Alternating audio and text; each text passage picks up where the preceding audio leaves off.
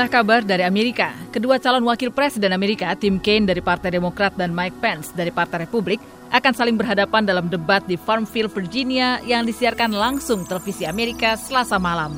Debat ini dilangsungkan hanya seminggu setelah debat pertama dari tiga debat calon presiden Hillary Clinton dan Donald Trump, debat yang mensinergikan Partai Demokrat tetapi dianggap mengecewakan sebagian anggota Partai Republik.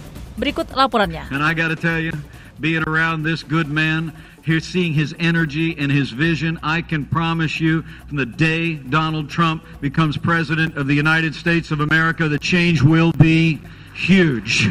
From Atlantic City to his so called university, he leaves a trail of broken promises and wrecked lives wherever he goes. Pendengar debat pertama calon presiden antara Hillary Clinton dan Donald Trump dicatat sejarah sebagai debat yang paling banyak ditonton warga Amerika melalui televisi karena menarik lebih dari 80 juta penonton.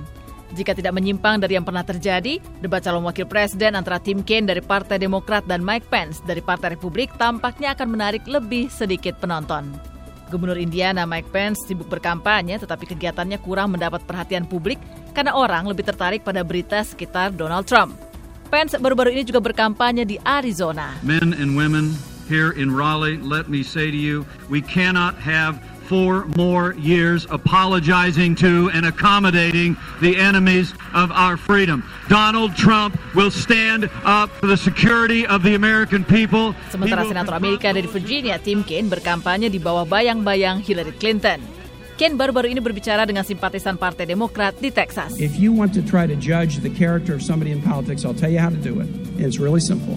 Look at their life and see if they have a passion in their life that they had long before they got into politics, a passion that's not about themselves, and then see if they have held on to that passion through thick or thin, in good times or bad, whether winning elections or losing elections.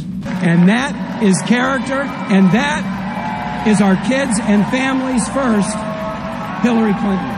Debat calon wakil presiden berlangsung seminggu setelah debat pertama Hillary Clinton dan Donald Trump, debat yang menurut beberapa jajak pendapat dimenangkan oleh Clinton.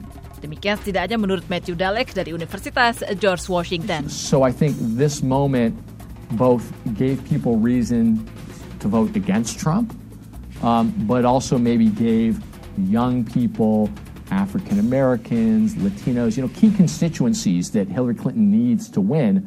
Uh, more motivation potentially to turn out to vote affirmatively for her. Meskipun ada beberapa debat calon wakil presiden yang patut dicatat pada masa lalu, tetapi wakil presiden biasanya membiarkan calon presiden yang memegang peran utama. Fokus utama tampaknya akan tetap tertuju pada Clinton dan juga tentunya Donald Trump yang berada pada posisi terdesak setelah terungkapnya isu pajak dirinya. Debat calon presiden berikutnya akan diselenggarakan hari Minggu di St. Louis, Missouri. Saya Thomas Reva, VOA, Washington. The voice of America.